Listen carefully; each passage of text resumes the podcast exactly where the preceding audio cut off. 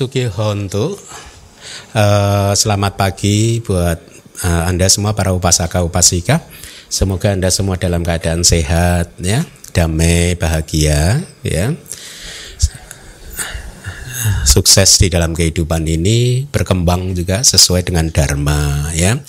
Artinya berkembang sesuai dengan dharma itu berkembang kualitas-kualitas hati Anda yang baik seperti Sada Anda berkembang, sati Anda berkembang, samati Anda berkembang, meta karuna mudita UPK Anda berkembang, ya kemudian pariyati dhamma Anda berkembang, teori pemahaman teori tentang Tripitaka Anda berkembang, uh, meditasi Anda berkembang, ya hingga akhirnya merealisasi, menembus empat kebenaran mulia.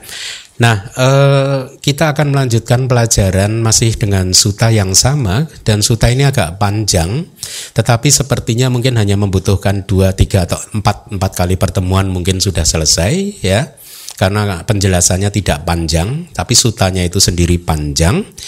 Saya akan tetap meminta PIC untuk membaca suta meskipun panjang. Tujuannya adalah supaya kita bersama-sama bisa familiar dengan suta ini ya eh, apa sekaligus juga kita mulai bisa membedakan ciri dari suta yang ada di Majjhima Nikaya dan suta-suta yang sebelumnya sudah kita pelajari bahwa ada perbedaan yaitu mengenai panjang atau pendeknya suta ya Uh, mohon PIC membacanya. Demikianlah yang telah saya dengar pada suatu waktu Begawan tinggal di antara para saka di Kapila Watu, Taman Nigroda. Kemudian Maha Pajapati Gotami membawa sepasang kain yang masih baru dan mendekat ke tempat di mana Begawan berada. Setelah mendekat, memberikan hormat kepada Begawan, dia duduk di satu sisi.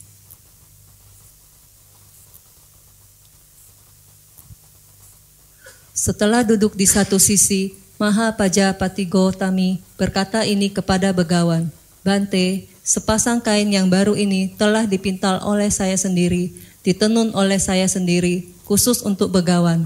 Yang mulia, sudilah begawan menerima persembahanku ini demi belas kasih. Ketika hal ini dikatakan, begawan berkata kepadanya, persembahkanlah kepada Sangga Gotami, jika engkau mempersembah, mempersembahkannya kepada sangga, maka baik aku maupun sangga telah dihormati. Untuk kedua dan ketiga kalinya, ia berkata kepada begawan, yang mulia, menerima ini demi belas kasih.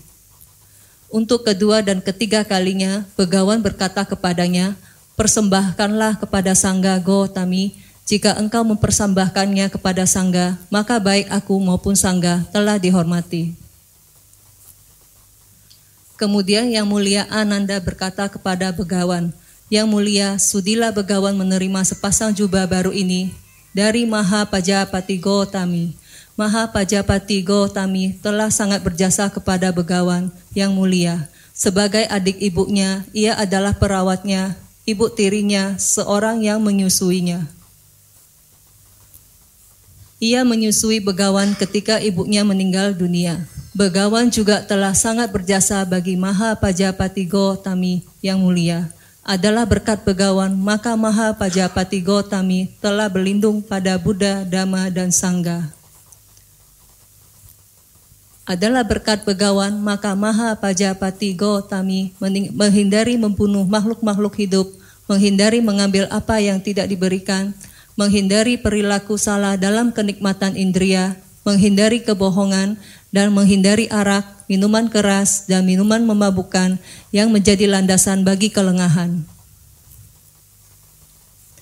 Adalah berkat pegawan, maka Maha Pajapati Gautami memiliki keyakinan yang tak tergoyahkan pada Buddha, Dhamma, dan Sangha, dan ia memiliki moralitas yang disenangi oleh para mulia adalah berkat pegawan, maka Maha Pajapati Gotami terbebas dari keraguan-raguan terhadap penderitaan, terhadap asal mula penderitaan, terhadap lenyapnya penderitaan, dan terhadap jalan menuju lenyapnya penderitaan. Begawan telah sangat berjasa bagi Maha Pajapati Gotami. Demikianlah Ananda, demikianlah ketika seseorang yang berkat orang, orang lain telah berlindung pada Buddha, Dhamma, dan Sangha, aku katakan adalah tidak mudah bagi orang pertama itu membalas orang kedua dengan cara memberikan penghormatan, bangkit untuknya, memberikan salam penghormatan dan pelayanan sopan, dan dengan memberikan jubah, makanan, tempat tinggal, dan obat-obatan. Ketika seseorang berkat orang lain telah menghindari membunuh makhluk-makhluk hidup, menghindari mengambil apa yang tidak diberikan, menghindari perilaku salah dalam kenikmatan indria, menghindari kebohongan, dan menghindari arak, minuman keras, dan minuman memabukkan, yang menjadi landasan bagi kelengahan, aku katakan adalah tidak mudah bagi orang pertama itu membalas orang kedua dengan cara memberikan penghormatan dan obat-obatan. Ketika seseorang berkat orang lain terbebas dari keraguan-raguan terhadap penderitaan, terhadap asal mula penderitaan, terhadap lenyapnya penderitaan, dan terhadap jalan menuju lenyapnya penderitaan, aku katakan adalah tidak mudah bagi orang pertama itu membalas orang kedua dengan cara memberikan penghormatan dan obat-obatan. Ketika seseorang berkat orang lain memiliki keyakinan yang tak tergoyahkan pada Buddha, Dhamma, dan Sangha, dan memiliki moralitas yang disenangi oleh para mulia, aku katakan adalah tidak mudah bagi orang pertama itu membalas orang kedua dengan cara memberikan penghormatan dan obat-obatan.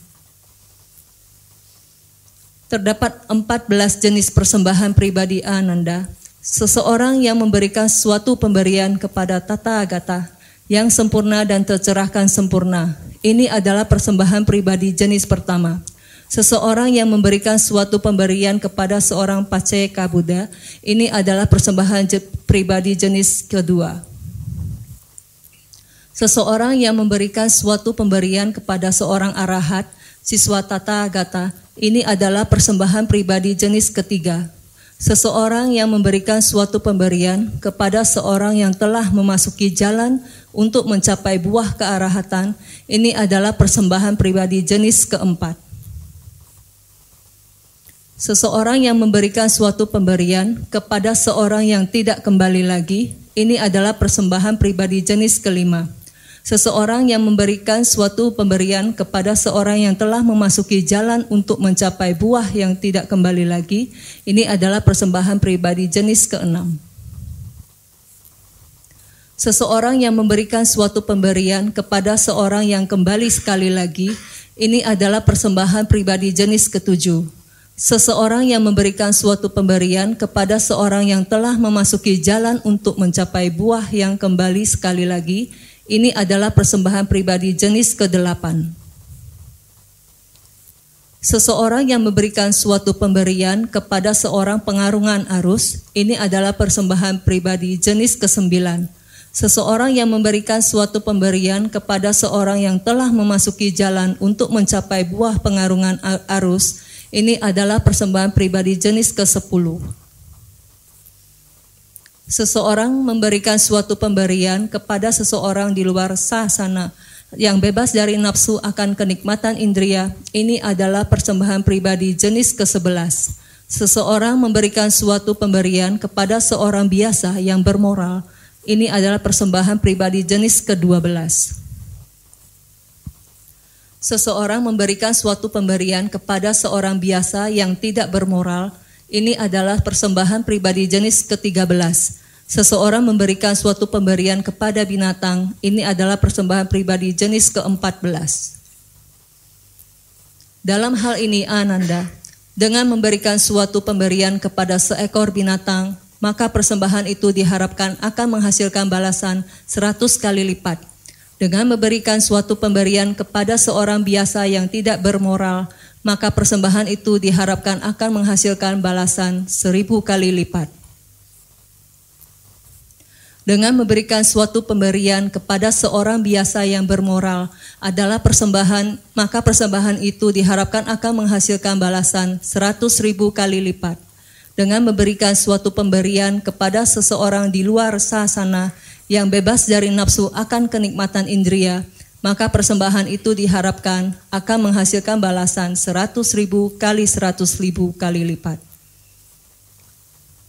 Dengan memberikan suatu pemberian kepada seorang yang telah memasuki jalan untuk mencapai buah pengarungan arus, maka persembahan itu diharapkan akan menghasilkan balasan yang tidak terhitung, tidak terukur.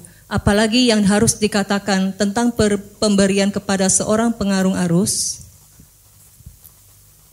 apalagi yang harus dikatakan tentang pemberian kepada seorang yang telah memasuki jalan untuk mencapai buah yang kembali sekali lagi, kepada yang kembali sekali lagi kepada seseorang yang telah memasuki jalan untuk mencapai buah yang tidak kembali lagi, kepada seorang yang tidak kembali lagi, kepada seorang yang telah memasuki jalan untuk mencapai buah kearahatan, kepada seorang arahat, kepada seorang paceka Buddha, apalagi yang harus dikatakan tentang pemberian kepada seorang tata agata yang sempurna dan tercerahkan sempurna, Terdapat tujuh jenis persembahan yang diberikan kepada Sangga Ananda. Seseorang memberikan suatu pemberian kepada kedua kelompok Sangga, baik biku maupun bikuni yang dipimpin oleh begawan. Ini adalah persembahan kepada Sangga jenis pertama. Seseorang memberikan suatu pemberian kepada kedua kelompok Sangga, baik biku maupun bikuni, setelah tata gata mencapai nibbana akhir, ini adalah persembahan kepada sangga jenis kedua. Seseorang memberikan suatu pemberian kepada sangga para biku, ini adalah persembahan kepada sangga jenis ketiga. Seseorang memberikan suatu pemberian kepada sangga para bikuni, ini adalah persembahan kepada sangga jenis keempat. Seseorang memberikan suatu pemberian dengan mengatakan, Tunjuklah untukku sejumlah tertentu para biku dan bikuni dari sangga. Ini adalah persembahan kepada sangga jenis kelima. Seseorang memberikan suatu pemberian dengan mengatakan, tunjuklah untukku sejumlah tertentu para biku dari sangga. Ini adalah persembahan kepada sangga jenis keenam. Seseorang memberikan suatu pemberian dengan mengatakan, tunjuklah untukku sejumlah tertentu para bikuni dari sangga. Ini adalah persembahan kepada Sangga senis ketujuh. Di masa depan Ananda, akan ada anggota-anggota kelompok yang berleher kuning, tidak bermoral, dan berkarakter jahat. Orang-orang akan memberikan pemberian kepada orang-orang tidak bermoral, itu demi Sangga. Bahkan meskipun begitu, aku katakan suatu persembahan yang diberikan kepada Sangga adalah tidak terhitung, tidak terukur. Dan aku katakan bahwa tidak mungkin suatu persembahan yang diberikan kepada seorang individu akan lebih berbuah daripada persembahan yang diberikan kepada sangga. Terdapat ananda empat jenis pemurnian persembahan. Apakah empat ini ada persembahan yang dimurnikan oleh si pemberi, bukan oleh si penerima? Ada persembahan yang dimurnikan oleh si penerima, bukan oleh si pemberi ada persembahan yang dimurnikan bukan oleh si pemberi, juga bukan oleh si penerima. Ada persembahan yang dimurnikan baik oleh si pemberi maupun oleh si penerima. Dan bagaimanakah persembahan yang dimurnikan oleh si pemberi, bukan oleh si penerima? Di sini si pemberi adalah bermoral, berkarakter baik, dan si penerima adalah tidak bermoral, berkarakter jahat, Demikianlah persembahan yang dimurnikan oleh si pemberi bukan oleh si penerima.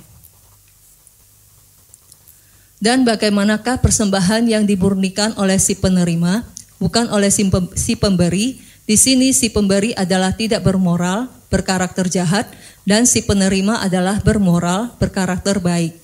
Demikianlah persembahan yang dimurnikan oleh si penerima bukan oleh si pemberi. Dan bagaimanakah persembahan yang dimurnikan bukan oleh si pemberi, juga bukan oleh si penerima? Di sini si pemberi adalah tidak bermoral, berkarakter jahat, dan si penerima adalah tidak bermoral, berkarakter jahat. Demikianlah persembahan yang dimurnikan bukan oleh si pemberi, juga bukan oleh si penerima.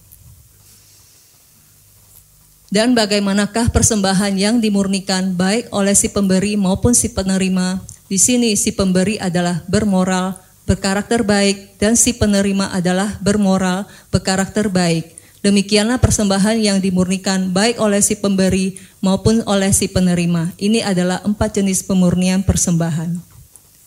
itu adalah apa yang dikatakan oleh begawan. Ketika yang sempurna telah mengatakan hal itu, sang guru berkata lebih lanjut. Ketika seorang bermoral memberi kepada seorang yang tidak bermoral, suatu pemberian yang diperoleh dengan benar, dengan penuh keyakinan, meyakini bahwa buah perbuatan itu adalah besar, moralitas si pemberi memurnikan persembahan itu. Ketika seorang tidak bermoral, memberi kepada seseorang yang bermoral, dengan tanpa keyakinan, memberikan suatu pemberian yang diperoleh dengan tidak benar, juga tidak meyakini bahwa buah perbuatan itu adalah besar, moralitas si penerima memurnikan persembahan itu. Ketika seorang tidak bermoral, memberi kepada seseorang yang tidak bermoral, dengan tanpa keyakinan memberikan suatu pemberian yang diperoleh dengan tidak benar, juga tidak meyakini bahwa buah perbuatan itu adalah besar, moralitas keduanya tidak memurnikan persembahan itu. Ketika seorang bermoral memberi kepada seorang yang bermoral dengan keyakinan memberikan suatu pemberian yang diperoleh dengan cara yang benar, meyakini bahwa buah perbuatan itu adalah besar, pemberian itu aku katakan akan berbuah sepenuhnya. Ketika seorang yang tanpa nafsu memberi kepada seorang yang tanpa nafsu, dengan keyakinan memberikan suatu pemberian yang diperoleh dengan cara yang benar, meyakini bahwa buah perbuatan itu adalah besar, pemberian itu aku katakan adalah yang terbaik di antara pemberian-pemberian duniawi. Baik, uh, terima kasih uh, kepada petugas yang telah membacakan suta yang setengah panjang ini, ya. Kita masih uh, melanjutkan pembahasan kelas minggu yang lalu ya. Tadi ada uh, kalimat dari Ananda yang kira-kira apa, menyampaikan kepada Buddha bahwa Maha Pajapati Gotami itu adalah seseorang yang sudah sangat berjasa dan seterusnya begitu kan ya di, eh, di kitab komentarnya itu ada penjelasan sebenarnya ini sesuatu yang saya yakin Anda juga sudah tahu tapi tidak ada jeleknya juga kalau uh, saya sampaikan kepada Anda. Jadi Maha Pajapati Gotami sudah menjadi perawat buat Gotama uh, Pangeran Siddhartha kan? Ya. Apa di bahasa palinya artinya merawat dan membesarkan uh, pangeran sepenuhnya. Beliau juga adalah ibu tiri Posika ya Artinya di sini penjelasannya adalah seseorang yang memandikan, memberi makan, memberi minum serta membesarkan Pangeran Siddhartha di dua atau tiga waktu dalam satu hari. Itu penjelasan di kitabnya ya. Beliau juga adalah seseorang yang menyusuinya. Artinya seperti yang uh, kita semua ketahui bahwa Ibu Pangeran Siddhartha meninggal dunia tepat tujuh hari setelah kelahirannya ya maka setelah uh, sepeninggal ibu kandungnya, Maha Pajapati Gotami menjadi ibu tiri yang merawat seperti putranya sendiri ya. Demikianlah jadi Maha Pajapati Gotami telah sangat berjasa pada uh, Bodhisatta ya. Nah, uh, setelah itu tadi juga kita lihat bahwa Buddha menjelaskan tentang 14 jenis persembahan kepada pribadi. Jadi nanti Anda harus bisa memahami ada perbedaan kualitas buah kalau Anda melakukan dana persembahan atas nama pribadi sebagai objek yang menerima dana Anda dibandingkan persembahan itu diberikan kepada komunitas ya dengan pikiran bahwa ini saya persembahkan kepada sangga yang biasanya kita membimbing Anda. Kalau melakukan persembahan kan biasanya para anggota sangga membimbing Anda dengan misalkan eh, apa eh, kami mempersembahkan ini kepada sangga begitu kan ya. Jadi pikiran tetap ditujukan kepada sangga bukan kepada individu bikunya satu persatu bikunya ya. Eh, berkaitan dengan kalimat ketika seseorang yang berkat orang lain ini kata-kata Buddha, telah berlindung pada Sang Buddha, pada Buddha, Dhamma dan Sangga, maka saya katakan Buddha berkata, adalah tidak mudah bagi orang tersebut, orang pertama itu tadi, untuk membalas budi kepada orang kedua dengan cara hanya memberikan penghormatan, bangkit dari tempat duduknya, memberikan salam penghormatan, memberikan pelayanan yang penuh sopan santun, dan dengan memberikan jubah makanan, tempat tinggal, dan obat-obatan. Ya, itu pun uh, tidak cukup juga. Ya, uh, karena apa? Berkat seorang guru lah maka seorang murid bisa mengenal dhamma berkat seorang guru seorang murid bisa berlindung kepada uh, tiratana berkat seorang guru ya seorang murid bisa mengembangkan pandangan yang benar ya. Berkat seorang guru seorang murid bisa mulai mengelola kehidupannya dengan cara yang lebih positif. Oleh karena itulah uh, dikatakan oleh Buddha ya tidak mudah untuk membalas budi kepada orang seperti itu ya. Nah 14 persembahan kepada pribadi tadi diuraikan oleh Buddha itu berurutan dimulai dari pribadi yang mempunyai kualitas spiritual yang terbaik yaitu e, seseorang yang memberikan persembahan kepada Tathagata kepada Buddha itu sendiri. Itu adalah persembahan tertinggi yang ditujukan kepada individu atau kepada pribadi. Artinya apa? Kalau itu berbuah maka buahnya akan menjadi memproduksi buah yang paling besar dibandingkan persembahan yang kita berikan kepada individu-individu yang lain ya. Nah, nomor 2, 3 dan keempat sampai ke 14 itu diurutkan itu sesuai dengan kualitas pencapaian spiritualnya ya. Jadi tidak mudah untuk memberikan membalas budi dengan memberikan uh, apa yang sudah saya sebutkan tadi dari murid kepada guru ya. Uh, kalau di kitab itu di di apa Bahkan kalimatnya diberikan seperti ini.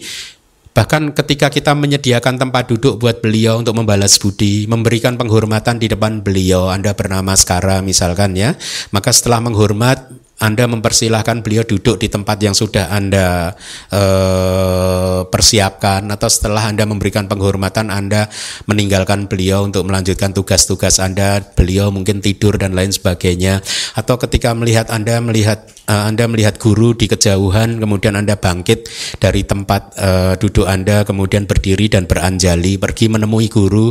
Seandainya guru tersebut membawa barang-barang bawaan yang sangat berat ya beranjali bersujud Ya, ketika berjalan, berdiri, duduk, murid memberikan penghormatan dengan beranjali atau membalas budi dengan melakukan tugas yang sesuai untuk guru atau bahkan berdana memenuhi antero cakrawala ini dengan empat kebutuhan pokok itu semua pun tidak mampu untuk melakukan perbuatan yang pantas untuk membalas budi itu kata-katanya.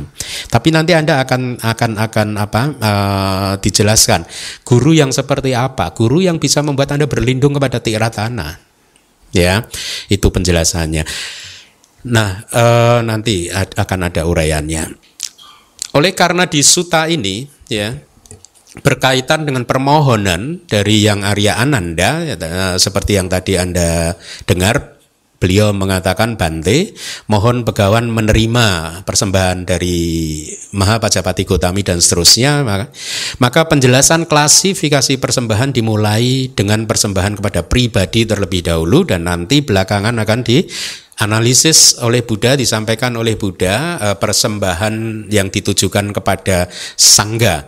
Jadi ayam pertama inilah yang pertama, ini yang pertama. Di dalam klasifikasi yang pertama ini ya, pertama berdasarkan tadi guna wasena kualitas berdasarkan kualitasnya ya dan juga berdasarkan penerima terbaiknya yaitu Tetaggata kemudian turun Paceka Buddha dan seterusnya ya. Kalau Anda cermati di nomor 4 Anda akan melihat seseorang yang telah memasuki jalan untuk realisasi buah arahata. Artinya apa? Seseorang yang sudah di arus kesadarannya sudah muncul sedang muncul kesadaran jalan arahata. Nanti ada kesadaran buah arahata. Jadi jalan dan buah itu satu pasangan. Jalan dan buah itu adalah kesadaran pencerahan.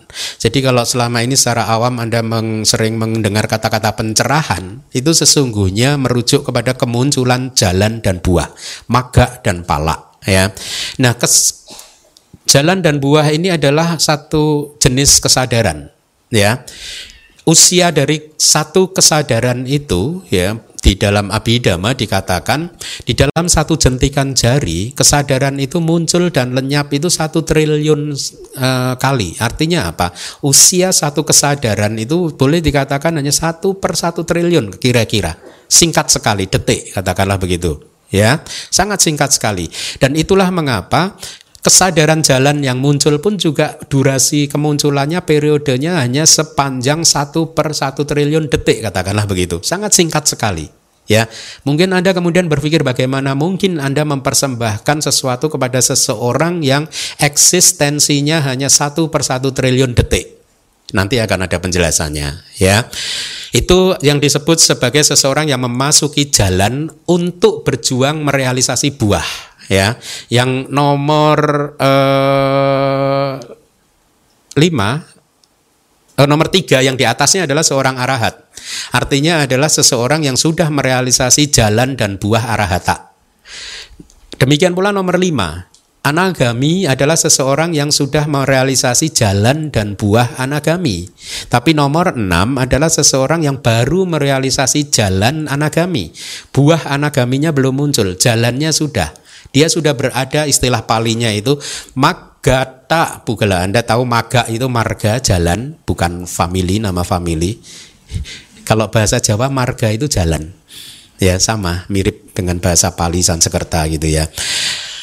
Istilahnya maga tak pugala. Pugala itu adalah seseorang atau individu, maga itu jalan, tak itu titati atau berdiri di atas. Jadi seseorang yang sedang berdiri di atas jalan itu kira-kira begitu, ya. Dia baru merealisasi jalan anagami tapi buahnya belum muncul. Padahal kemun jarak antara kemunculan jalan dan buah itu hanya satu per satu triliun detik satu per satu triliun detik kira-kira begitu cepat sekali ya.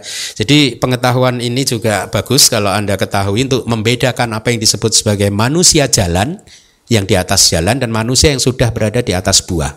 Ya.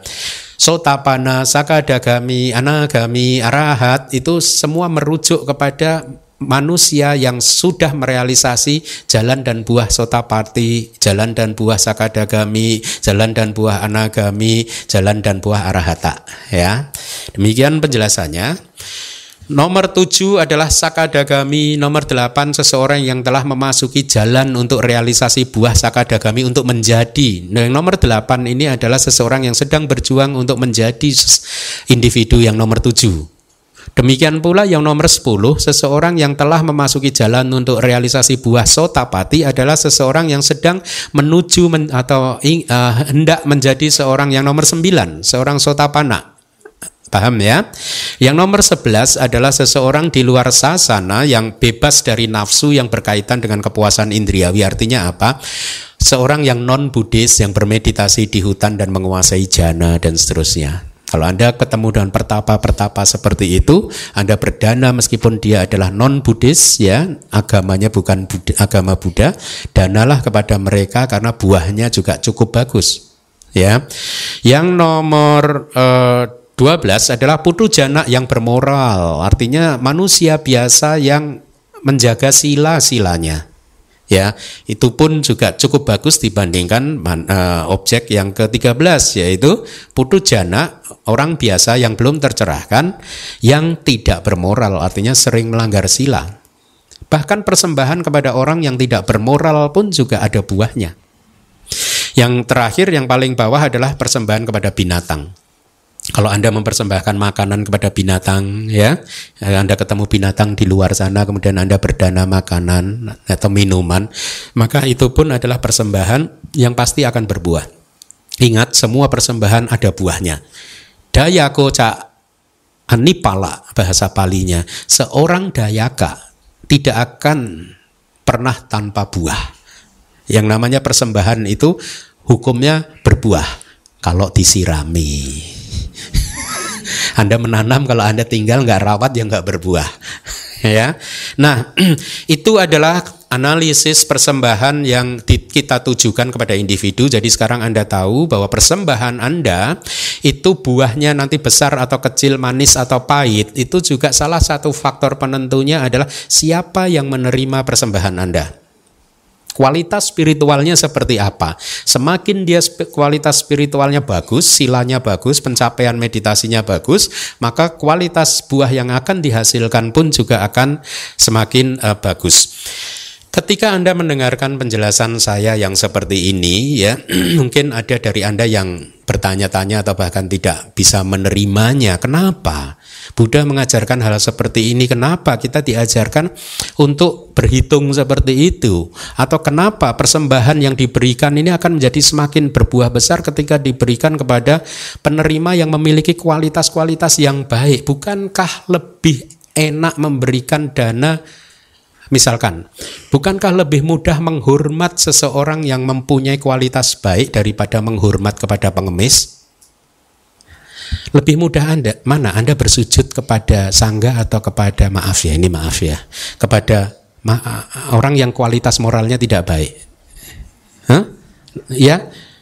Kenapa? Lalu yang yang buahnya besar adalah kepada sangga. Kenapa tidak yang di ini uh, kalau kita mau benar-benar menghancurkan ego kita kan kita harus menyembah kepada apa merendahkan ego kita kepada seseorang yang bahkan kita sendiri pun tidak menyukainya katakanlah begitu ya. Tetapi ternyata ya artinya atau dengan kata lain kenapa bukan orang kecil yang diprioritaskan sebagai nomor satu objek persembahan yang paling baik kan begitu kan ya Uh, pasti ada orang yang akan bertanya-tanya seperti itu ya. Tetapi uh, itulah hukum alam yang bekerja. Ya, hukum alamnya seperti itu, seperti F sama dengan M kali A. Ya, yang di kelas pertama itu saya sampaikan ya hukum-hukum fisika, ya hukumnya memang seperti itu. Kalau yang menerima persembahan itu lebih baik, maka kualitas buahnya uh, akan lebih besar seperti mangga. Anda menanam biji mangga yang baik, maka kualitas buah mangganya nanti menjadi uh, yang besar dan juga mungkin lebih manis dan seterusnya. Jadi Apa pun itu, inilah pentingnya pariyati karena dari pariyati Anda mendapatkan informasi-informasi yang benar. Anda dijauhkan dari spekulasi-spekulasi pendapat-pendapat pribadi seperti yang tadi saya sampaikan. Kenapa yang diprioritaskan manusia yang kualitasnya baik? Kalau yang kualitasnya baik seperti uh, siapa katakanlah kan sudah nggak kekurangan makanannya. Hmm, kenapa harus kepada beliau? Kenapa nggak kepada orang yang kelaparan di pinggir jalan itu dulu gitu? ya. Hati-hati, suta ini tidak mengajarkan Anda, tidak melarang Anda untuk melakukan persembahan kepada pengemis dan lain sebagainya. Tidak. Ini hanya memberikan uh, seperti mengajarkan kepada kita hukum fisika di dalam persembahan yang berlaku di dalam persembahan, ya. Nah, uh, kita juga hendaknya ingat, ya, teladan yang kita bisa ambil dari apa yang dilakukan oleh bodhisatta. Ya. Bahwa bodhisatta pada saat berdana dia berdana kepada siapa saja. Ya. Dia tidak memikirkan tidak berhitung siapa yang menerimanya. Ya. Tapi Anda juga harus memahami bahwa praktek ini adalah praktek yang memang dipraktekkan oleh bodhisatta untuk mencapai pencerahan atau penerangan sempurna ya. Jadi dengan kata lain kalau uh, uh, seseorang yang sudah mengambil keputusan untuk menjadi umat perumah tangga seperti Anda, kemudian Anda berdana memperhitungkan objek siapa yang menerimanya juga sah-sah saja. Kalau Anda mengharapkan supaya buahnya itu lebih manis, lebih besar, sah-sah saja. Tetapi Anda juga harus paham seperti video klip yang diedarkan oleh DBS minggu lalu, kebajikan sebaik apa pun, semanis apa pun buahnya, tetap saja buahnya harus dinikmati di dalam samsara dan selama kita berada di samsara di mana pun di alam yang baik mana pun tetap ada anicca juga dan anatta semuanya tidak kekal. Nah kebijaksanaan seperti ini yang saya berharap anda bisa memperkuatnya ya pemahaman uh, yang seperti ini ya. Uh, kalau kita mengingat perjuangan bodhisatta pada saat merintis karir untuk menuju atau mencapai kebudaan, beliau memenuhi parami-paraminya ya. Kita pun juga hendaknya juga bisa mengambil teladan dari praktek bodhisatta tadi yaitu apa? Juga memenuhi parami ya. Saya sudah menjelaskan beberapa kali perbedaan parami dan per, dan kebijaksanaan kan. Ada artikel juga saya rasa di websitenya DBS yang membedakan parami dan kebijaksanaan. Bahkan di majalah DBS yang pertama dulu juga kalau saya tidak salah ingat juga sudah saya kupas parami dan kebijaksanaan. Anda lebih baik membaca itu karena fiturnya, cirinya itu berbeda ya. Nah, eh, selain melakukan kebijak eh, apa perbuatan baik atau kebajikan ya seperti persembahan yang ditujukan kepada objek-objek yang menurut kita itu berkualitas, kita juga harus terus melatih kemurahan hati ini kepada siapa pun demi parami-parami kita ya. Eh, kadang kalau hati Anda misalkan sedang diliputi oleh kemarahan atau kebencian terhadap orang-orang tertentu, ya, cobalah Anda berdana kepada orang tersebut. Ya, apa efeknya? Kebencian Anda, kemarahan Anda akan lenyap pada saat itu karena yang namanya kebencian dan kemurahan hati itu tidak bisa muncul bersama-sama. Jadi ini salah satu teknik sebenarnya untuk mengusir kilesa dari hati kita. Kalau Anda benci, jengkel, marah terhadap seseorang, coba pusatkan perhatian, lakukan persembahan atau dana kepada orang tersebut. Dan rasakan kebencian Anda seketika hilang. Dan tidak hanya itu efeknya adalah persembahan yang Anda tujukan kepada orang yang Anda benci ya itu akan membuat dia itu nanti punya meta kepada Anda. Ya. Anda pengen saya punya meta kepada Anda lakukan persembahan kepada saya bukan itu itu adalah uh, strategi untuk mengatasi kilesa. Ada banyak strategi kan salah satunya di kelas terdahulu juga sudah saya sampaikan apa yang disebut tadangga pahana, meninggalkan kilesa dengan menggantinya dengan faktor-faktor yang berlawanan. Kalau Anda sedang membenci seseorang, ya, fokuskan perhatian Anda pada orang tersebut dan lakukan sesuatu yang bisa memunculkan meta Anda. Ya. Pada saat Anda e, melakukannya dengan misalkan memberikan persembahan kepada orang tersebut, maka lihatlah kebencian Anda kebencian Anda akan lama-lama hilang. Tugas utama di dalam kehidupan kita ini adalah menghancurkan kilesa di dalam hati kita sendiri. Tidak untuk menghancurkan orang lain, tidak untuk mengatur orang lain supaya sesuai dengan keinginan-keinginan kita, tidak, tetapi kita sibuk untuk melihat kualitas hati kita. Kalau lagi kotor, segera bersihkan. Gunakan berbagai cara-cara apa pun itu juga yang bisa membuat hati kita itu bersih. Ya, e, itulah dhamma. Ya. Nah, e,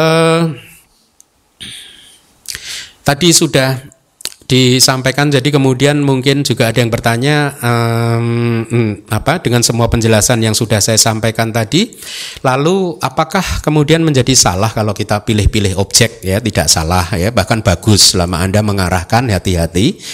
Anda sudah tahu bahwa semua kebajikan buahnya di dalam samsara, oleh karena itu Anda boleh memilih-milih objek dari persembahan Anda, tetapi lakukan itu sebagai parami.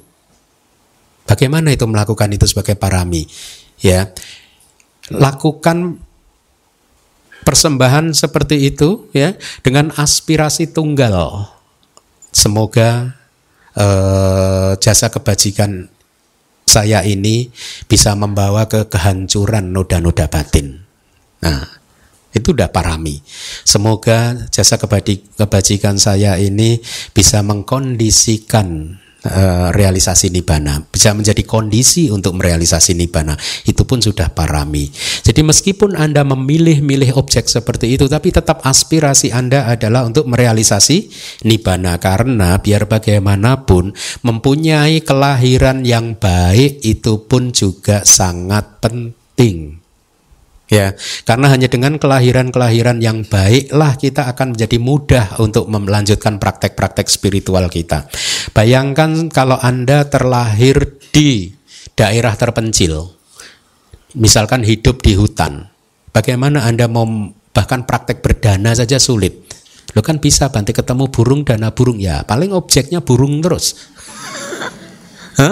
Jadi kualitas buahnya ya akan seperti seperti itu juga. Nah, oleh karena itu ya buah yang baik juga menjadi sangat uh, penting ya dengan buah yang baik itu maksudnya uh, kita misalkan mencapai kelahiran di keluarga yang baik-baik ya sehingga kita bisa mudah untuk mengembangkan bisnis kita, mendapatkan penghidupan benar yang dengan cara yang mudah, senantiasa bertemu dengan kalyanamita, tidak bertemu dengan orang yang tidak bijaksana ya. Itu semua akan memudahkan kemajuan spiritual kita. Ingatlah kita ini adalah manusia yang masih mudah terkena infeksi. Apa itu maksudnya infeksi? Infeksi kotoran batin. Apabila Anda bergaul dengan orang yang tidak baik, maka lihatlah hati Anda akan sering sekali dicengkeram oleh kilesa-kilesa. Tetapi pada saat kita bergaul dengan orang yang baik, maka lihatlah suasana hati kita pun juga akan teduh, nyaman, damai, murah hati, penuh cinta kasih dan lain sebagainya. Oleh karena itu, hindarilah pergaulan dengan orang yang tidak bijaksana, ya. Nah, eh ada satu cerita ini dari kitab uh, dari Dhammapada sebenarnya tapi karena ceritanya bagus maka saya coba uh, kemarin saya coba uh, apa kopi ya. Uh, Dhammapada kalau Anda pengen pengen melihatnya nanti boleh bisa Anda lihat di syair nomor 357 ya. Di kitab komentarnya itu adalah uh, ada kalimat seperti ini ya. Jadi Ya, saya lihat ikut kitab komentarnya. Imang dama desa nang sata panduka pandu kambala silayam wiharanto. Jadi pada saat itu guru yaitu Buddha sedang berdiam di batu singgasana saka. Jadi Buddha ini bercerita tentang Buddha pada saat itu sedang berada di surga Tawatingsa, sedang duduk di atas batu yang bernama Pandu Kambala. Ini adalah istilahnya itu kalau tempat duduk raja itu apa namanya? Singgasana. Singgasananya dewa saka. Itu namanya pandu kambala sila. Artinya batu yang bernama pandu kambala. Jadi pada saat itu Buddha sedang duduk di batu singgasana saka di surga Tawatingsa ya. E, beliau sedang memberikan khotbah dhamma eh, yang ada di Dhammapada syair 357 berkaitan dengan seorang dewa yang bernama Angkura. Ya ada seorang dewa yang bernama Angkura. Pada waktu itu guru sedang membabarkan abidama di Tawatingsa ya. Ketika itu eh, Buddha sedang menceritakan tentang ye jana pasuta dirati itu dari kata kita komentarnya. Artinya sedang bercerita tentang mereka orang-orang yang bijaksana yang sedang melakukan, sedang berjuang untuk menguasai jana atau sudah menguasai jana, ya. Nah, di antara audiensnya katakanlah seperti ini ada banyak dewa yang mendengarkan nih katakanlah ini anda. Tapi saya bukan Buddha ini Budanya. Di antara banyak dewa yang hadir ada dua dewa namanya Indaka dan Angkura ya. Mereka ini ikut mendengarkan pembabaran dhamma ini. Pada saat asik ikut mendengarkan uh, mendengarkan pembabaran dhamma dari Buddha setiap kali ada dewa yang datangnya terlambat. Kayak tadi. Ya. Dewa masuk datangnya terlambat. Nah kebetulan dewa yang datangnya terlambat itu mempunyai kualitas yang senior paling bagus. Apa? Bagus Nah tradisi di alam dewa, dewa yang kualitasnya bagus duduknya di depan. Sekarang Anda tahu kan? Kenapa saya suruh Anda duduk di depan? Lo ini ada di kitab kok, Anda boleh lacak di kitab komentar pada syair 357. Nah singkat cerita tadinya yang namanya Angkura dan Indaka tadinya di depan kan? Penuh kan? Begitu ada dewa yang datang, eh itu kualitasnya lebih bagus. Akhirnya dewanya duduk di depan ya si angkuranya ini harus mundur satu baris. Indakanya enggak tetap di paling depan, dewa indaka. Ya. Kemudian ada lagi dewa terlambat lagi, kualitasnya bagus lagi, duduk di depan angkura mundur lagi. Setiap kali ada dewa datang dengan kualitas lebih bagus, dia duduk di depan, angkura harus mundur, mundur, mundur, mundur sampai ke belakang nggak dapat kursi itu seperti ini. itu ada tuh satu, dua, tiga itu nggak dapat kursi kan? Anda bisa bayangkan. Kenapa nggak dapat kursi? Ya.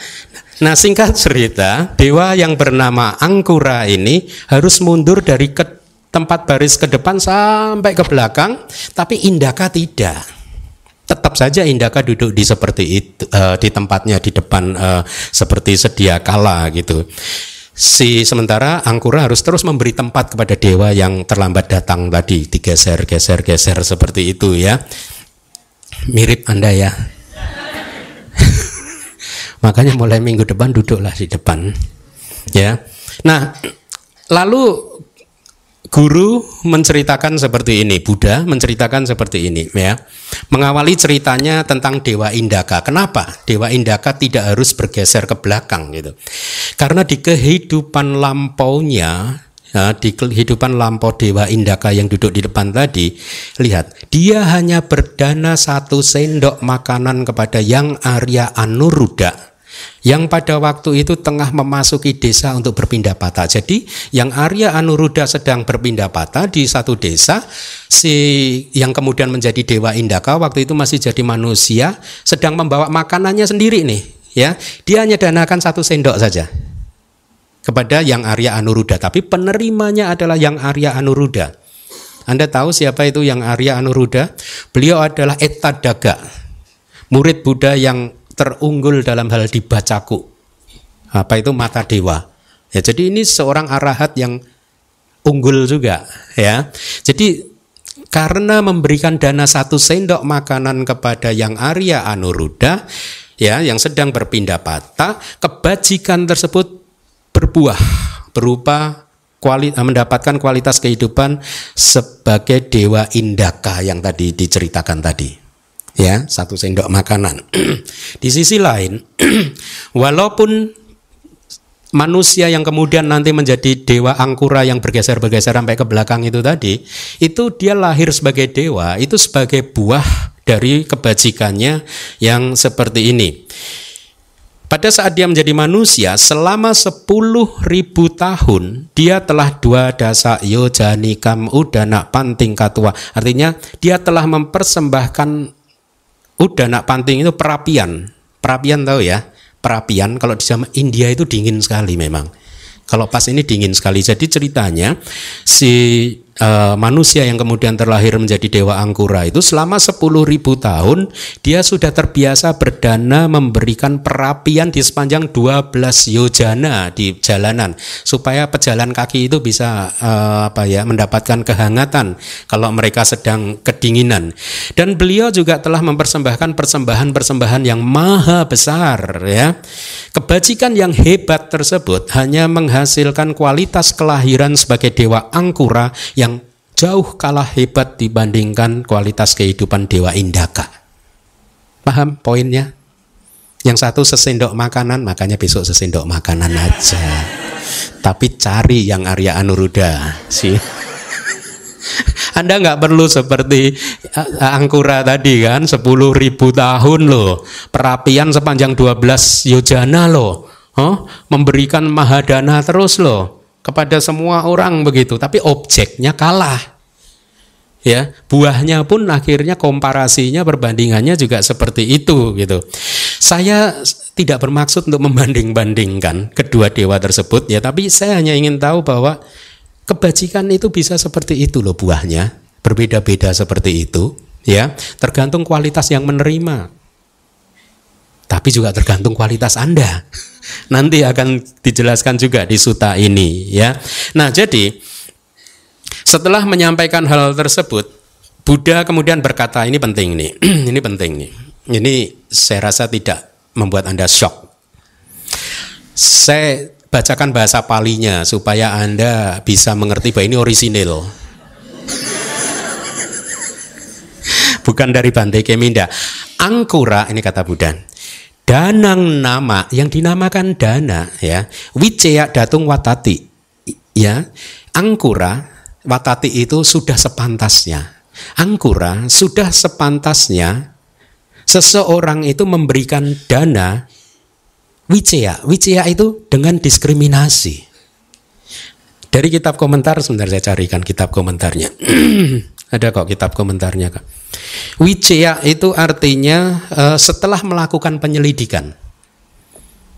Jadi kira-kira kalimat ah, kalimatnya kalau saya rephrase lagi angkura sudah selayaknya ini dari Buddha seseorang memberikan dana atau derma itu setelah melakukan penyelidikan terhadap siapa yang menerima objeknya.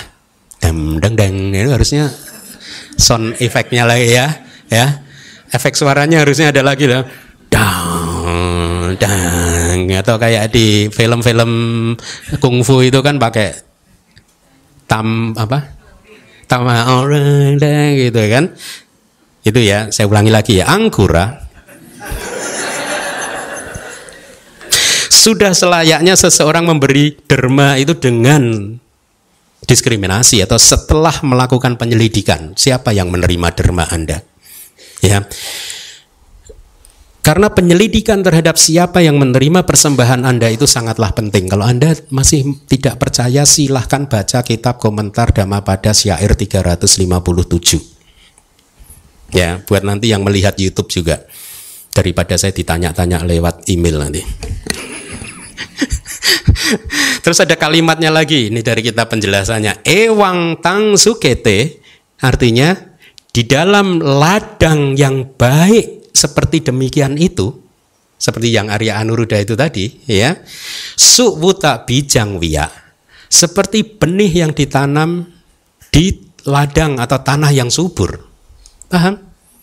Kalau Anda berdana mendapatkan objek seperti yang Arya Anuruddha, maka dana Anda itu seperti benih yang ditanam di ladang yang subur. Sebaliknya kalau Anda bertemu dengan uh, Anda berdana bertemu dengan objek yang tidak bermoral, maka dana Anda itu seperti benih yang ditanam di jalan tol. Mau Anda sirami juga nggak akan tuh. Tanam di jalan, jalan tol. Tunggu setiap hari berdoa semoga gitu. Nah, Saya ulangi lagi ya. Dalam ladang yang baik seperti itu, uh, tak bijang wia. Seperti benih yang ditanam di tanah yang subur, maka maha palang hoti akan ber, berbuah besar. Maha palang, maha itu besar, pala itu buah. Ya, artinya apa? Seperti benih yang ditanam di tanah yang subur, dia akan berbuah sangat besar. Paham? Tadi dana yang ditujukan kepada yang Arya Anuruda. Tuang panak tata na akasi ada ada ada penjelasan dari Buddha lagi seperti ini. Dia menghibur, dia menjelaskan bukan menghibur, dia men, uh, beliau Buddha menjelaskan kepada Angkura ya. Tuang panak tata na akasi artinya akan tetapi kamu tidak melakukan yang demikian. Paham? Meskipun tadi 10.000 tahun ini 10.000 tahun perapian 12 yojana. Yojana satu yojana itu kira-kira 8 mil mungkin. Jadi Anda kalikan sendiri. 12 kali 8 mil kira-kira ya. Kontroversi si angka satu yojana itu kontroversi, tapi saya memegang pendapat satu yojana itu 8 mil sesuai dengan kayaknya penjelasan kakek guru saya yang sudah pernah berhitung datang ke India mengukur dari bot gaya sampai ke mana gitu. Konklusinya kalau nggak salah kakek guru saya di Myanmar mengatakan sekitar itu 8, 8, 8 mil gitu. Jadi selama 12 yojana, sepanjang 12 yojana 12 kali 8 mil dibangun perapian perapian perapian perapian untuk pengembara. Ya kalah sama satu sendok makanan. Ya. Nah tuang panak tatana akasi Buddha berkata kepada Angkura kamu tidak melakukan hal yang seperti itu. Kenapa? Karena angkura berdana meskipun mahal dan hebat tapi ditujukan pada objek yang berkualitas kurang dibandingkan dana kepada yang Arya Anu Ruda. Siapa itu yang Arya Anuruda? Ya, beliau adalah sepupu Buddha Gotama dan murid yang paling unggul dalam hal dibacaku ya. Beliau juga berasal dari keluarga baik-baik dari kasta kesatria atau katya ya Sangat menarik ya mencermati sejarah orang-orang yang berada di sekeliling Buddha yang orang-orang hebat itu ternyata juga banyak yang mempunyai hubungan darah dengan Pangeran Siddhartha kan, seperti Ananda, ya eh, itu juga apa sepupu kan ya. Nah, kemudian ada kalimat Buddha lagi.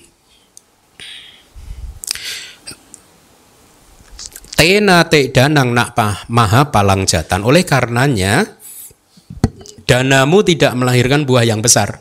Paham? Ya. Kemudian ini dari Dhammapada sepertinya. Syairnya itu seperti ini. Tina dosa niketani artinya apa? Ladang-ladang itu memiliki rumput sebagai rongrongannya. Ini perumpamaan Buddha. Ladang itu mempunyai rumput, artinya seperti benalu sebagai perongrongnya, ya, yang membuat ladangnya itu tanamannya jadi keganggu, paham ya? Jadi kalau ladang ada rumputnya maka tanaman kita terganggu kan? Nah ini kata-kata Buddha begini, tina dosa niketani, ladang-ladang itu memiliki rumput sebagai rongrongan atau sebagai perongrong, ya, benalu yang mengganggu kesuburan ladang. Itu hanya perumpamaan yang dipakai Buddha untuk menerangkan syair berikutnya, baris berikutnya. Tanha dosa ayam paja. Orang-orang atau manusia-manusia atau para manusia itu memiliki tanha sebagai perongrongnya, sebagai benalunya. Apa itu tanha?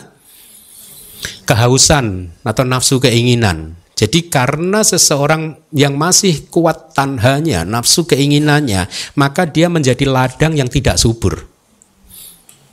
Tahu perumpamaannya? Seperti ladang yang dipenuhi oleh rumput-rumput liar, dia menjadi ladang yang keras, tidak gembur, tidak subur.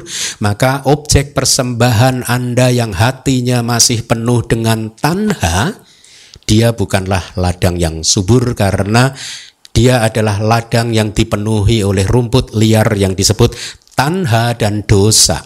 Oh, bukan tanha saja, nafsu keinginan. Dosa di sini artinya perongrong cacat perongrong ya.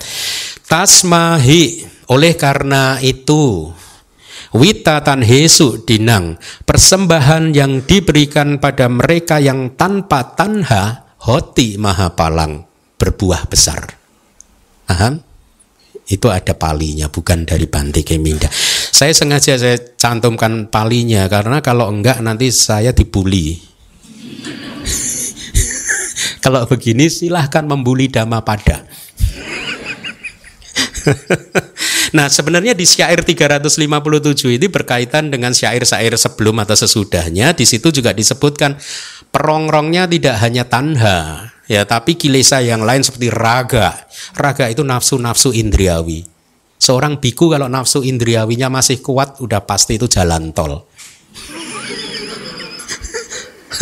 Aspal. ya. Dosa juga kemarahan atau kebencian. Ya penuh kemarahan dan kebencian. Moha juga delusi. Ya itu semua merupakan uh, perongrong.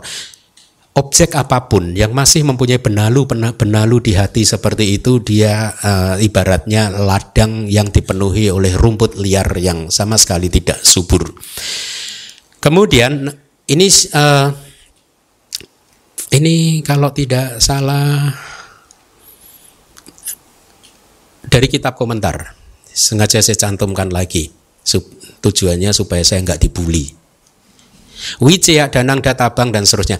Derma hendaknya diberikan setelah melakukan penyelidikan. Wijaya itu setelah melakukan penyelidikan.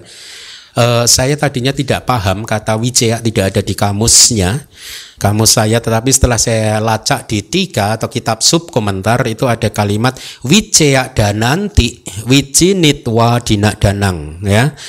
Uh, artinya dana yang diper uh, dana yang dengan wijaya adalah dana yang diberikan setelah melakukan penyelidikan itu dari sub komentarnya. Penyelidikan tentang apa? Siapa yang menerima persembahan Anda? Jadi derma yang diberikan di tempat yang demikian berbuah besar. Ya, dari kitab komentar. Kemudian derma setelah melakukan penyelidikan dipuji oleh Sugata, dipuji oleh Buddha. Setelah melakukan penyelidikan, ya. Derma yang diberikan kepada mereka yang pantas menerimanya di sini di dunia. Itu artinya derma yang dilakukan setelah melakukan penyelidikan. Artinya Anda memberikan derma kepada mereka yang memang pantas untuk menerimanya di sini di dunia ini. Derma yang diberikan di situ di pada orang tersebut itu tadi mempunyai buah-buah yang besar. Seperti halnya dengan biji-biji yang ditaburkan di ladang yang baik. Ya jadi demikianlah. Kembali lagi ke sutanya sepertinya kemudian ada kontradiksi tadi sudah sempat saya bing, uh, singgung dengan uh, atau bahkan minggu lalu saya juga menyampaikan bahwa kita juga hendaknya tidak terlalu memilih-milih objek persembahan demi parami, tapi sekarang kita diajarkan oleh Buddha untuk melakukan penyelidikan siapa yang akan kita jadikan objek penerima persembahan kita. Ya ada kontradiksi Sepertinya kalau kita melihatnya keluar dari konteks, tapi kalau kita masih melihatnya sesuai dengan konteks, maka seharusnya itu tidak membingungkan kita. Ya, kenapa? Ketika kita tidak memilih objek persembahan, kita sedang dalam konteks mengikuti teladan bodhisatta yang memang mengembangkan dana paramis demikian rupa hingga ke levelnya yang tertinggi ya. Akan tetapi di syair ini kita diajarkan untuk melakukan penyelidikan siapa penerima persembahan karena sebagai manusia biasa bukan bodhisatta ya.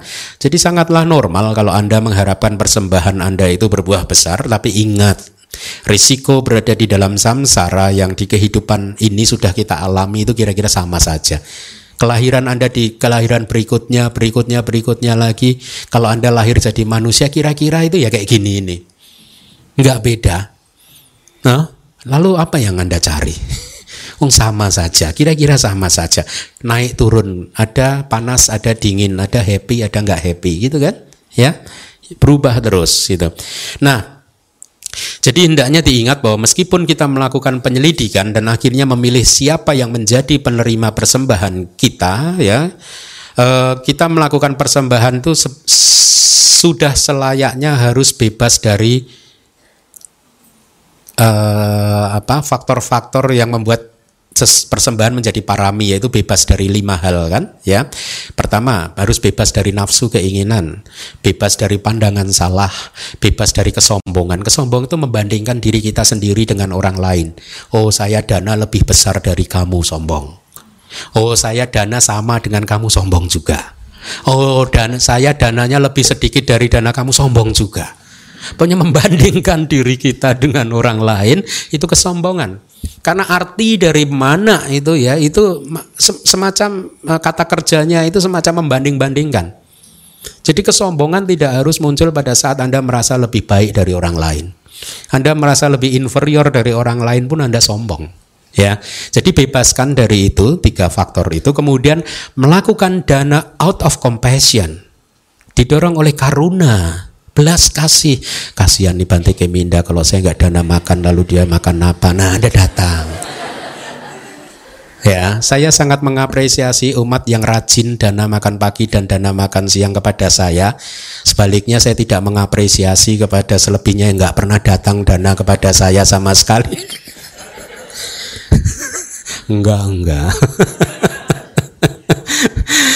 Ya jadi tetap saja meskipun Anda memilih-milih objeknya yang baik, tapi Anda harus benar-benar melakukan itu sebagai parami. Artinya apa? Dengan aspirasi tertinggi yaitu apa? Keluar dari samsara, ya, kehancuran noda-noda batin, realisasi maga, palak dan nip bana ya karena itulah sesungguhnya tujuan dari uh, latihan kita atau tujuan kita menjadi uh, murid Buddha ya. Nah, jadi Anda aman. Anda aman. Anda melakukan dana kepada objek yang baik dengan didorong oleh kekuatan ini menjadikan ini sebagai parami. Kalau objek persembahan Anda berbuah akan membuahkan Anda di kelahiran yang baik, bisa bertemu dengan ajaran Buddha lagi, bisa bertemu dengan Tripitaka lagi, ya, bisa belajar yang penting. Ya, banyak kan umat Buddha lahir beragama Buddha tapi seumur hidup nggak kenal Tripitaka? Hmm? Banyak nggak? Hmm? Rugi nggak? Rugi kan? Maka Anda beruntung. Ya, paling tidak Anda sekarang sudah bisa ketemu tetangga-tetangga sana. Kalau tetangga cerita, oh di kitab suci saya surat ini ayat nomor sekian 967, nah gitu Anda juga bisa. Oh iya sama itu di Dhamma pada syair 357. Nah, Anda sekarang udah tahu kitab sucinya kayak gini kan ya. Anda udah bisa menyebut angka-angka juga. Nah, ya, jadi berbanggalah sebagai umat Buddha. Nah, bayangkan kalau Anda umat Buddha nggak pernah kenal Tripitaka, bagaimana? Hmm? Nah, mari kita pahami. Ya, Demikian ya dipahaminya demikian.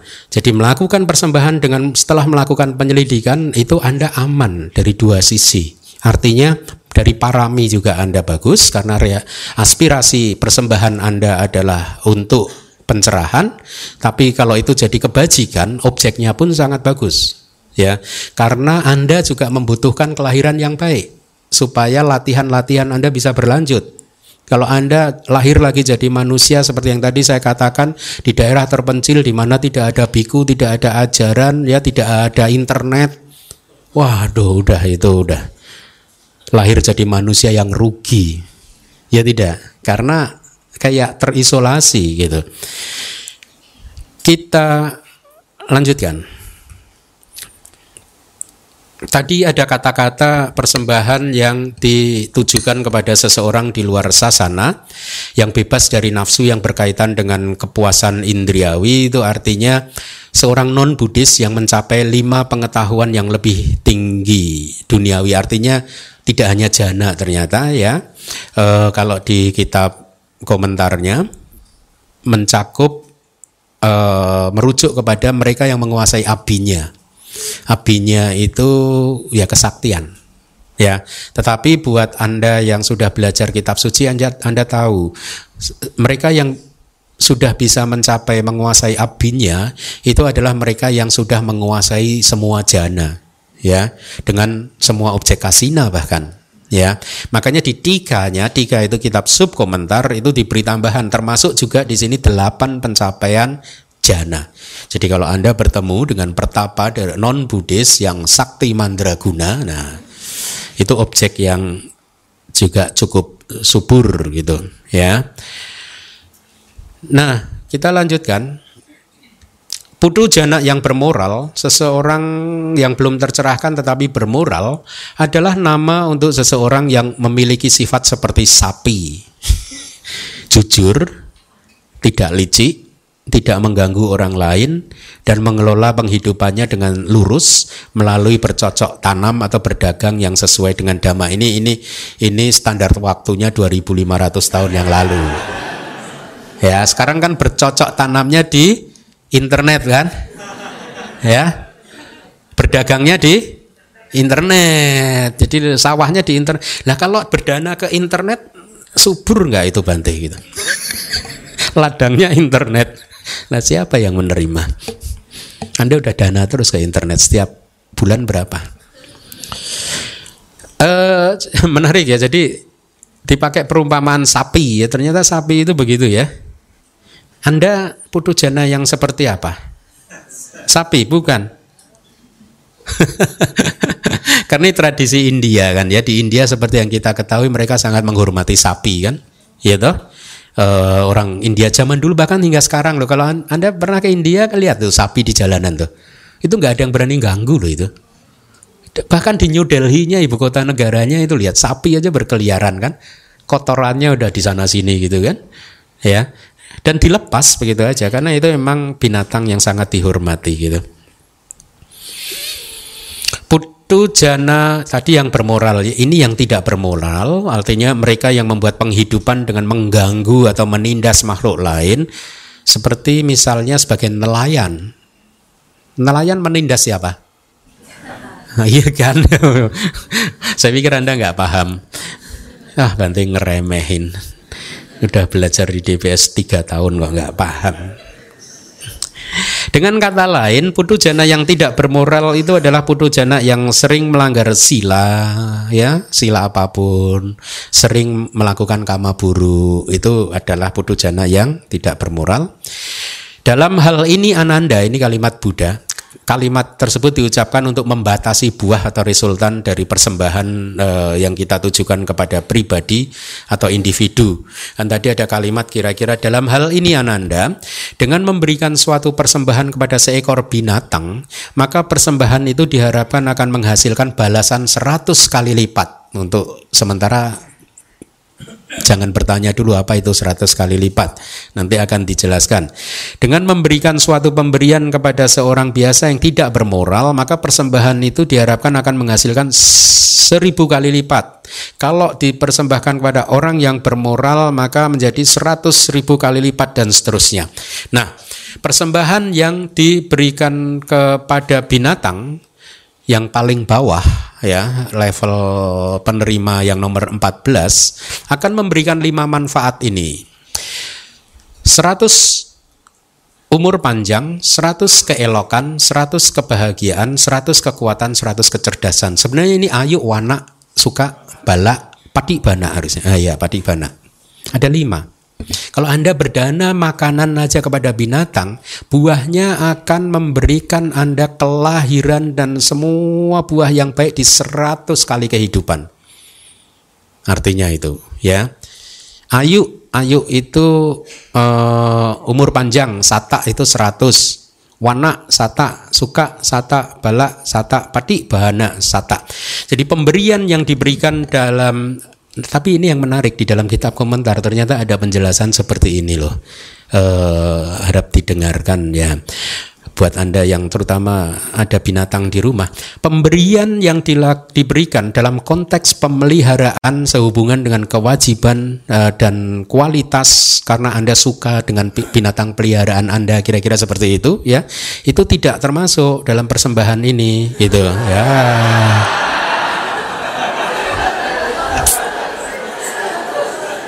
Ini pasti salah ini. Enggak, Bang.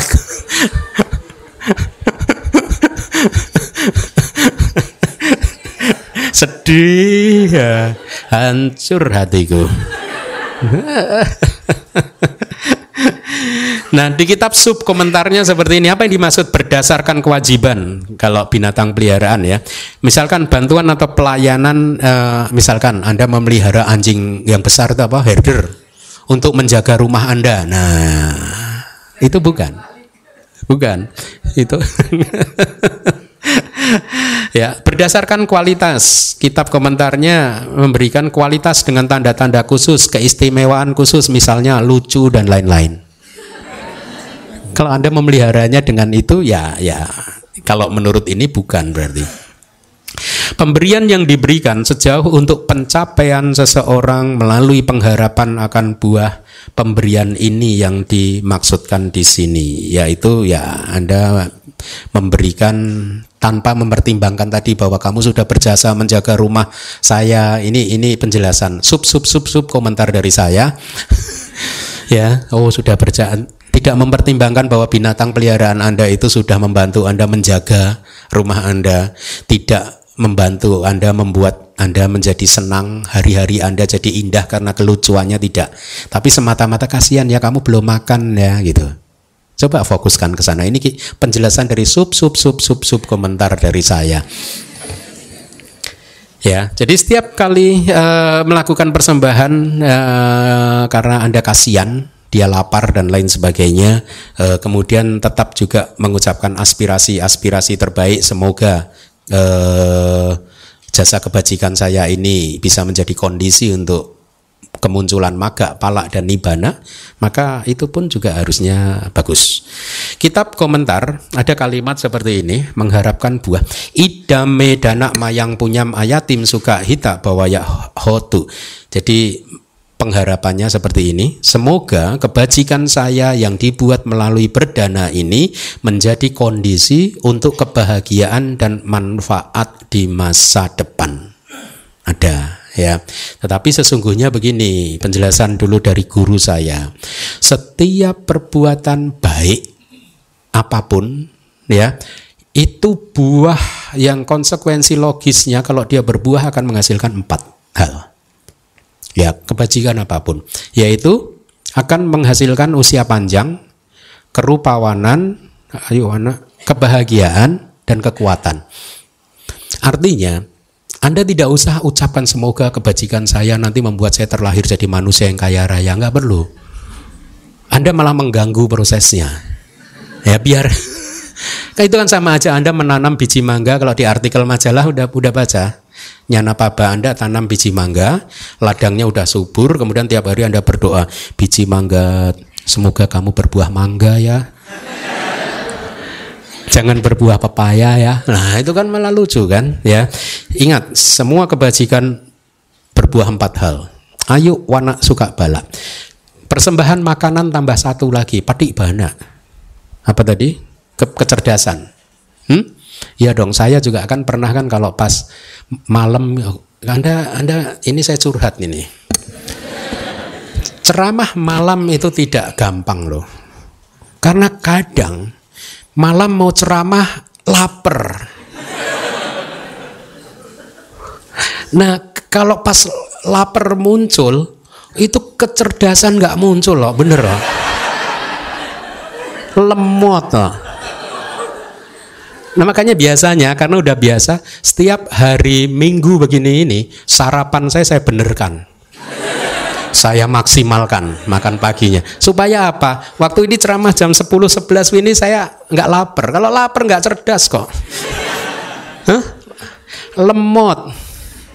Itu kayak Pentium 2. Komputer saya dulu waktu belajar di Myanmar itu teman-teman kuliah saya udah bawa laptop yang mutakir-mutakir kan.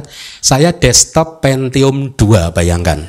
Itu saksinya masih ada Pak Kuncoro itu.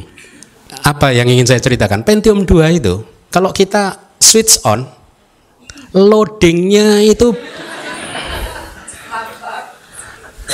bisa ditinggal baca buku ngapalin satu bab dulu. Jadi pencet switch on baca buku. Satu bab sudah selesai dia baru muncul layarnya. Itu gara-gara Anda nggak pernah dana mempersembahkan makanan tadi itu kayak gitu. Loadingnya itu aduh lama sekali gitu.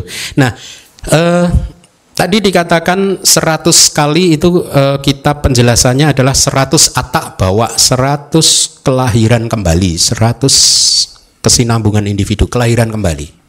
Jadi kalau Anda berdana kepada binatang, maka buahnya bisa anda harapkan akan terus muncul di 100 kelahiran kembali yang berikutnya gitu.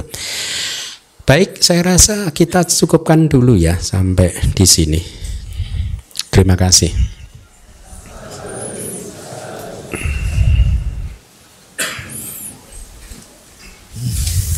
Bante, saya mau menanyakan tentang dua hal. E, tadi pertama saya e, mendengar katanya kalau kita lagi uh, benci atau sebel sama seseorang, lebih baik kita mendanakan sesuatu yang akan meng, kan, yang akan menimbulkan meta kan Bante. Nah, kalau dalam kasus itu semisalkan ada keluarga atau orang yang terdekat dia melakukan hal yang salah, kita kasih maksudnya kasih uh, tahu jalan yang agak yang benar gitu Bante. Nah, itu uh, tapi kan dia masih tetap uh, dalam pendirian jalan yang salah. Nah, kalau kita memberi kan seakan-akan kita tuh mendukung tentang jalan dia yang salah. Itu sebaiknya bagaimana ya Bante? Uh, yang itu yang pertama. Langsung yang kedua apa gimana Bante? Terus yang kedua, saya kalau saya kan uh, pindah ke Jakarta ini kan banyak sekali nyamuk ya Bante saya bingungnya gini, mau mau kita kan kalau terpaksa kan jadi kayak kebunuh nyamuk gitu kan Bante. Nah, tapi kalau bunuh nyamuk kan kadang dulu diajarkan e, katanya harus ngomong semoga dia terlahir di alam yang lebih baik lagi.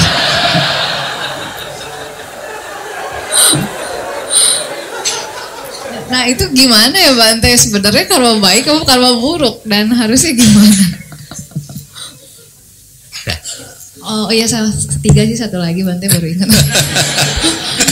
uh, sama kadang kan um, kalau sebenarnya kalau ada uh, kawan gitu yang dia tuh sebenarnya agama Buddha yang, yang kata Bante omongin tidak pernah mengenal Tripitaka atau apa pun kalau kita ajak dia ke wihara ataupun kita ajarkan kalau dia nggak masuk itu sebenarnya uh, termasuk karma baik apa uh, gak ada berbuah karma untuk kita gitu. Terima kasih banyak.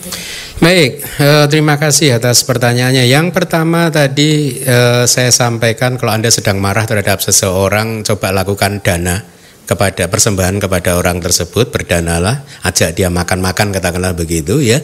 Maka lihatlah kemarahan Anda mungkin secara perlahan akan hilang atau bahkan seketika itu juga hilang. Itu maksud saya tadi juga sudah saya sampaikan. Sebenarnya tugas kita di dalam kehidupan itu adalah menyibukkan diri untuk memurnikan hati kita. Itu tugas kehidupan.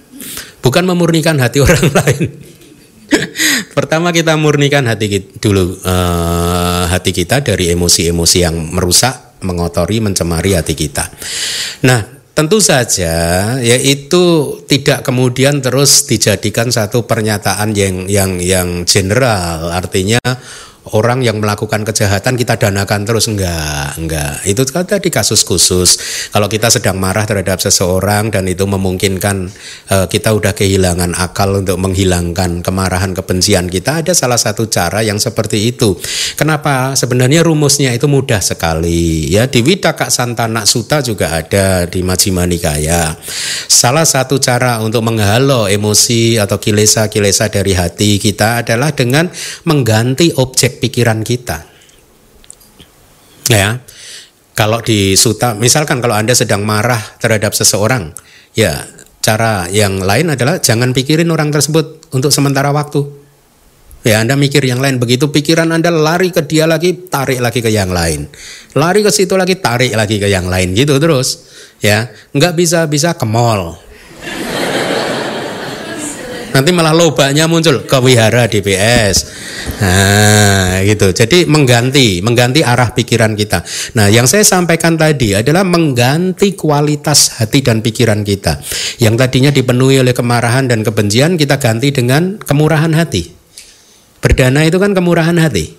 Ada dana ajak makan gitu ya. Tapi tentu saja itu tadi bukanlah satu statement yang general yaitu untuk kasus-kasus khusus. Kalau menurut Anda orang tersebut jahat, melanggar sila kemudian malah Anda sokok dengan seperti itu, apakah itu tidak berarti melegalkan dia atau mendorong dia untuk ya kalau memang seperti itu ya jangan. Itu hanya kasus khusus untuk menghalau kebencian di hati kita. Ya. Eh, kita harus menjadi orang yang terampil untuk membersihkan hati. Ya, musuh kita itu di dunia hanya satu, nggak banyak.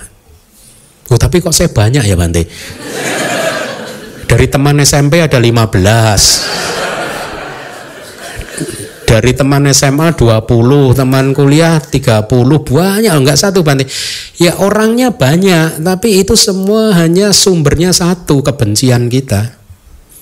Kalau kebencian kita ini sudah berhasil kita tangani, yang puluhan orang yang kita benci tadi udah hilang, nggak benci lagi kita. Gitu ya. Jadi bersibuklah menyibukkan diri di dalam kehidupan ini untuk memurnikan hati kita. Itu pesan saya tadi sebenarnya seperti itu. Ya. Kemudian tadi yang kedua saya lupa. Nyamuk. Ah. Ada banyak, minimal ada dua cara yang sering saya lakukan. Satu, dulu waktu di Myanmar kami para biku itu tempat tidur kami ada kelambunya. Jadi kalau enak sekali. Jadi kalau tidur udah kelambu kita turunkan kayak zaman kita kecil dulu. Ya, dulu waktu saya kecil juga begitu. Kamar tidur kita ada kelambunya. Satu itu. Kedua, ya saya ada di di kamar saya. Uh, bu, buatlah ini kalau kita di Myanmar itu sebut itu uh, mosquito catcher. Penangkap mosquito penangkap nyamuk. Jadi itu dari kayak kelambu ya dengan lingkaran seperti ini terus ada kelambunya ada ada kayu gagang kayunya. Nanti kalau ada nyamuk ini kita cet cep, cep, masuk dia di dalam kita keluar kita lepas. Jadi sebelum tidur biasanya kita para biku akan cek kamarnya ada nyamuk nggak. Kalau ada nyamuk ah, mari berburu dulu. Mari berburu Loh Bante kalau gitu kan nggak dapat makanan. Enggak, dia bisa cari kok di luar kok, tenang aja. Ya, tangkap dulu baik-baik, tap. Tahu ya paham ya? Ada di ada di atas. Sebenarnya di sini harusnya ada banyak. Mungkin Anda boleh coba semua umat boleh tiru cara sangga. Jadi dengan penangkap nyamuk itu dari dari dari kelambu, kemudian dia ada lingkarannya gitu terus ininya kelambu ada gagangnya gitu. kayak bendera gitu jadinya ya untuk nangkepin nyamuk mudah kok kalau ada nyamuk satu dua tangkap tangkap habis itu kemudian di lepas di luar. Jangan kemudian saya bebaskan dari samsara.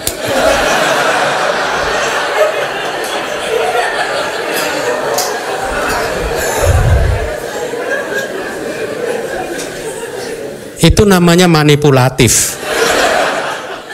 Enggak ada. Semua makhluk yang mati mendadak kesakitan sulit buat dia lahir di alam yang baik. Semua saja. Termasuk manusia. Kalau seseorang manusia ditakut-takuti dan dia mati, kasihan dia.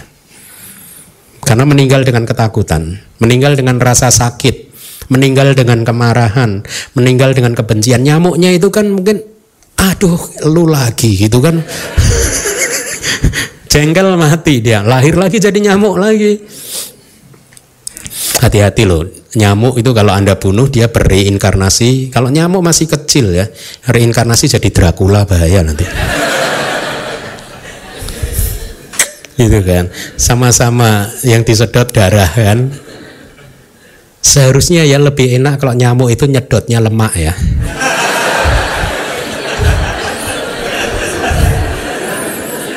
Ya enggak sih? Kenapa nyamuk tidak nyedot lemak? Kalau nyedot lemak kan kita more than happy kan ngasihnya kan ya enggak ya silakan silakan ini ini ini silakan gitu. Ini ini, ini agak tembem dikit agak tembemnya. Ya enggak? Daripada ke Korea Selatan ke dokter-dokter kecantikan kan mending pelihara nyamuk. Sayangnya nyamuk nggak menyedot lemak itu sayangnya darah. Jadi ya pakai mosquito catcher tadi penangkap mosquito, penangkap nyamuk ya. Kemudian yang ketiga, kalau ada seseorang diajak untuk mendengarkan dhamma tetap saja tidak mau begitu, ya sudah. Anda sudah mengingatkan, dia tidak mau. Apakah itu berarti apa tadi pernyataan ada? Karma baiknya nggak berbuah bisa jadi ya. Dia belum ada eh, hubungan karma dengan dharma nggak apa-apa nggak apa-apa nggak apa-apa. Ingat jangan terlalu terburu-buru untuk menyadarkan seseorang ya. Umat Buddha itu sebenarnya harusnya lebih bersabar dibandingkan umat agama lain. Kenapa? Karena umat agama lain hanya punya satu kehidupan.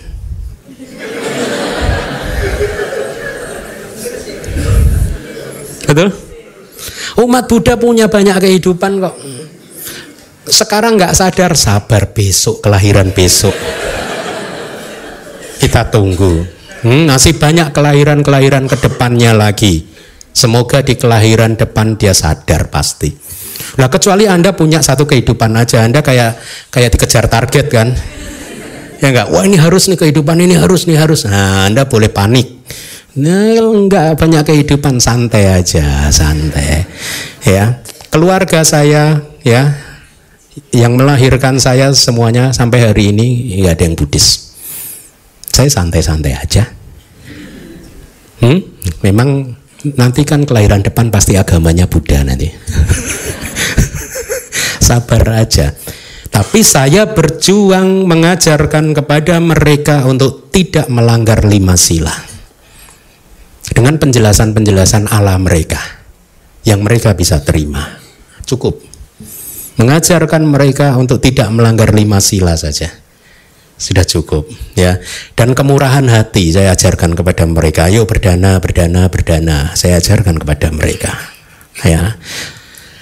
E, begitu. Jadi jangan jangan kemudian menjadikan hal seperti itu membuat Anda kemudian malah memunculkan kilesa sendiri terhadap orang tersebut ya. Oke. Okay. Namo Buddhaya Bante. Sebentar. Uh, nama saya Winnie. Uh, berdasarkan materi yang tadi Bante bawa, ada yang saya mau uh, tanyakan lebih jelas. Jadi sebelumnya saya berpikir kalau berdana itu harusnya kita kan melihat kekurangan orang lain gitu ya Bante. Jadi termasuk yang tadi Bante bilang, terkadang kan di jalanan suka ada pengemis atau orang-orang yang mungkin rasa saya kurang mampu dalam penghidupannya. Jadi eh, pas waktu saya mendengarkan materi itu saya masih belum bisa nerima nih. Kenapa kita kalau dana makanan harus eh, eh seperti ke eh, dengan kualitas orang yang objeknya lebih baik? Setelah dengar tadi ucapan Bante tentang materinya, apakah benar e, intinya tuh e, sebenarnya setelah kita tahu materinya, fokus kita dalam berdana itu pada saat melakukan dana momen itu saja, begitu nggak Bante? Maksudnya momen tersebut pada saat ada kesempatan kita berdana, saat itu kita harus berpikir fokus sama diri sendiri. Jadi contohnya kalau dalam e, ruang waktu yang sama ada berat ya Pak ruang waktu yang berbarengan misalnya ada pengemis atau mungkin satu lagi biksu kita anggap contoh seperti itu. Berarti kan kita harus berdana ke biksu ya Bante. Ruang waktu yang sama dalam waktu yang berbarengan. Uh, jadi di situ ladangnya lebih bagus, betul ya Bante. Nah, jadi fokus kita itu sebenarnya ke diri sendiri. Kalau misalnya pengemis tersebut mau meningkatkan kualitas kehidupannya, dia yang juga harus berdana ke Bante. Betulkah begitu maksudnya Bante? Mohon maaf uh, untuk diluruskan Bante. Ya, ya, ya bagus. Kalau Anda dari rumah sudah mempersiapkan makanan katakanlah ya, mau dipersembahkan kepada sangga, ya. Kemudian kan di ruang yang, yang sama, waktu yang sama ke, Anda ketemu orang kelaparan kan gitu kan. Lalu makanan ini danakan kepada siapa? Ya, ajak pengemisnya, ayo danakan dulu ke bantenya yuk. Ya, yuk bareng-bareng berdua kita dana ke bante. Habis itu Bante pasti melihat kamu kasihan pasti dapat makanan juga. Oke Bante, oke. Kalau Anda memberikan satu mirik piring makanan kepada pengemis itu di tempat itu juga, Anda hanya membantu me menyelesaikan problem laparnya dia saat itu. Besok dia lapar lagi. Tapi begitu Anda ajak untuk berdana bersama-sama dengan Anda, tapi dia kan nggak punya makanan, Anda bagi dengan dia danakan kepada dia separuh atau seberapa yuk dana berdua yuk gitu. Danakan. Habis itu saya deh nanti yang ngomong sama Bante Bante ini kasihan kelaparan. Nah. Oh oke okay, paham Bante. Hah? ya. Jadi dengan demikian Anda tidak menyelesaikan problem laparnya saja tapi Anda menyelesaikan problem di katakanlah di banyak kehidupan berikutnya. Kalau itu berbuah kan di banyak kehidupan bisa ratusan ribu kehidupan katakanlah begitu kan? Jadi itu yang maksimal. Makanya hal-hal seperti ini kebijaksanaan kebijaksanaan seperti ini bisa anda dapatkan kalau anda mendengarkan dhamma. Ilmunya jadi tambah anda jadi skillful. Mengelola kehidupan jadi terampil gitu ya tapi apa pun juga, saya ingin tegaskan lagi seperti yang kelas minggu lalu sudah saya sampaikan bahwa tujuan dari penyampaian suta ini bukan untuk membuat Anda menjadi diskriminatif, meskipun tadi Buddha juga menyampaikan seperti itu. Tapi suta ini tidak pernah, Buddha tidak pernah mengatakan jangan berdana kepada pengemis. Kan tidak ada, hanya menyampaikan hukumnya seperti itu. Kalau Anda melekat kepada objeknya terus, ya resikonya ada, buahnya di samsara. Anda jadi orang kaya, jadi dewa, orang kaya jadi dewa terus muter-muter gitu, tapi ya nggak keluar dari samsara. Nah supaya bisa keluar dari samsara, kemurahan hati haruslah uh, diberikan kepada siapa pun. Ya, tapi tetap juga dengan menggunakan kebijaksanaan itu. Boleh bertanya lagi Bante? Saya rasa satu boleh. Ya, jadi meneruskan meneruskan, meneruskan pertanyaan tadi, kita bilang kalau waktunya berbarengan. Apabila jadi waktunya berbeda, harus belajar pengolahan dana ya. Maksudnya kebijaksanaan muncul pada saat momennya gitu ya. Ada kesempatan. Kalau waktunya berbeda, tempatnya berbeda, tetap yuk ikut dulu yuk ke DBS yuk sama saya. Jangan persembahkan ke pengemisnya dulu. Oh, oke, okay, Ajak pengemisnya ke DBS, ke wihara mana pun, kemudian ajarkan seperti itu tadi. Problem dia selesai, problem lapar dia tetap selesai dijamin. Hmm. Jadi besok lagi kalau Anda datang berdana kepada saya dengan orang asing, saya akan berpikir, wah itu tuh.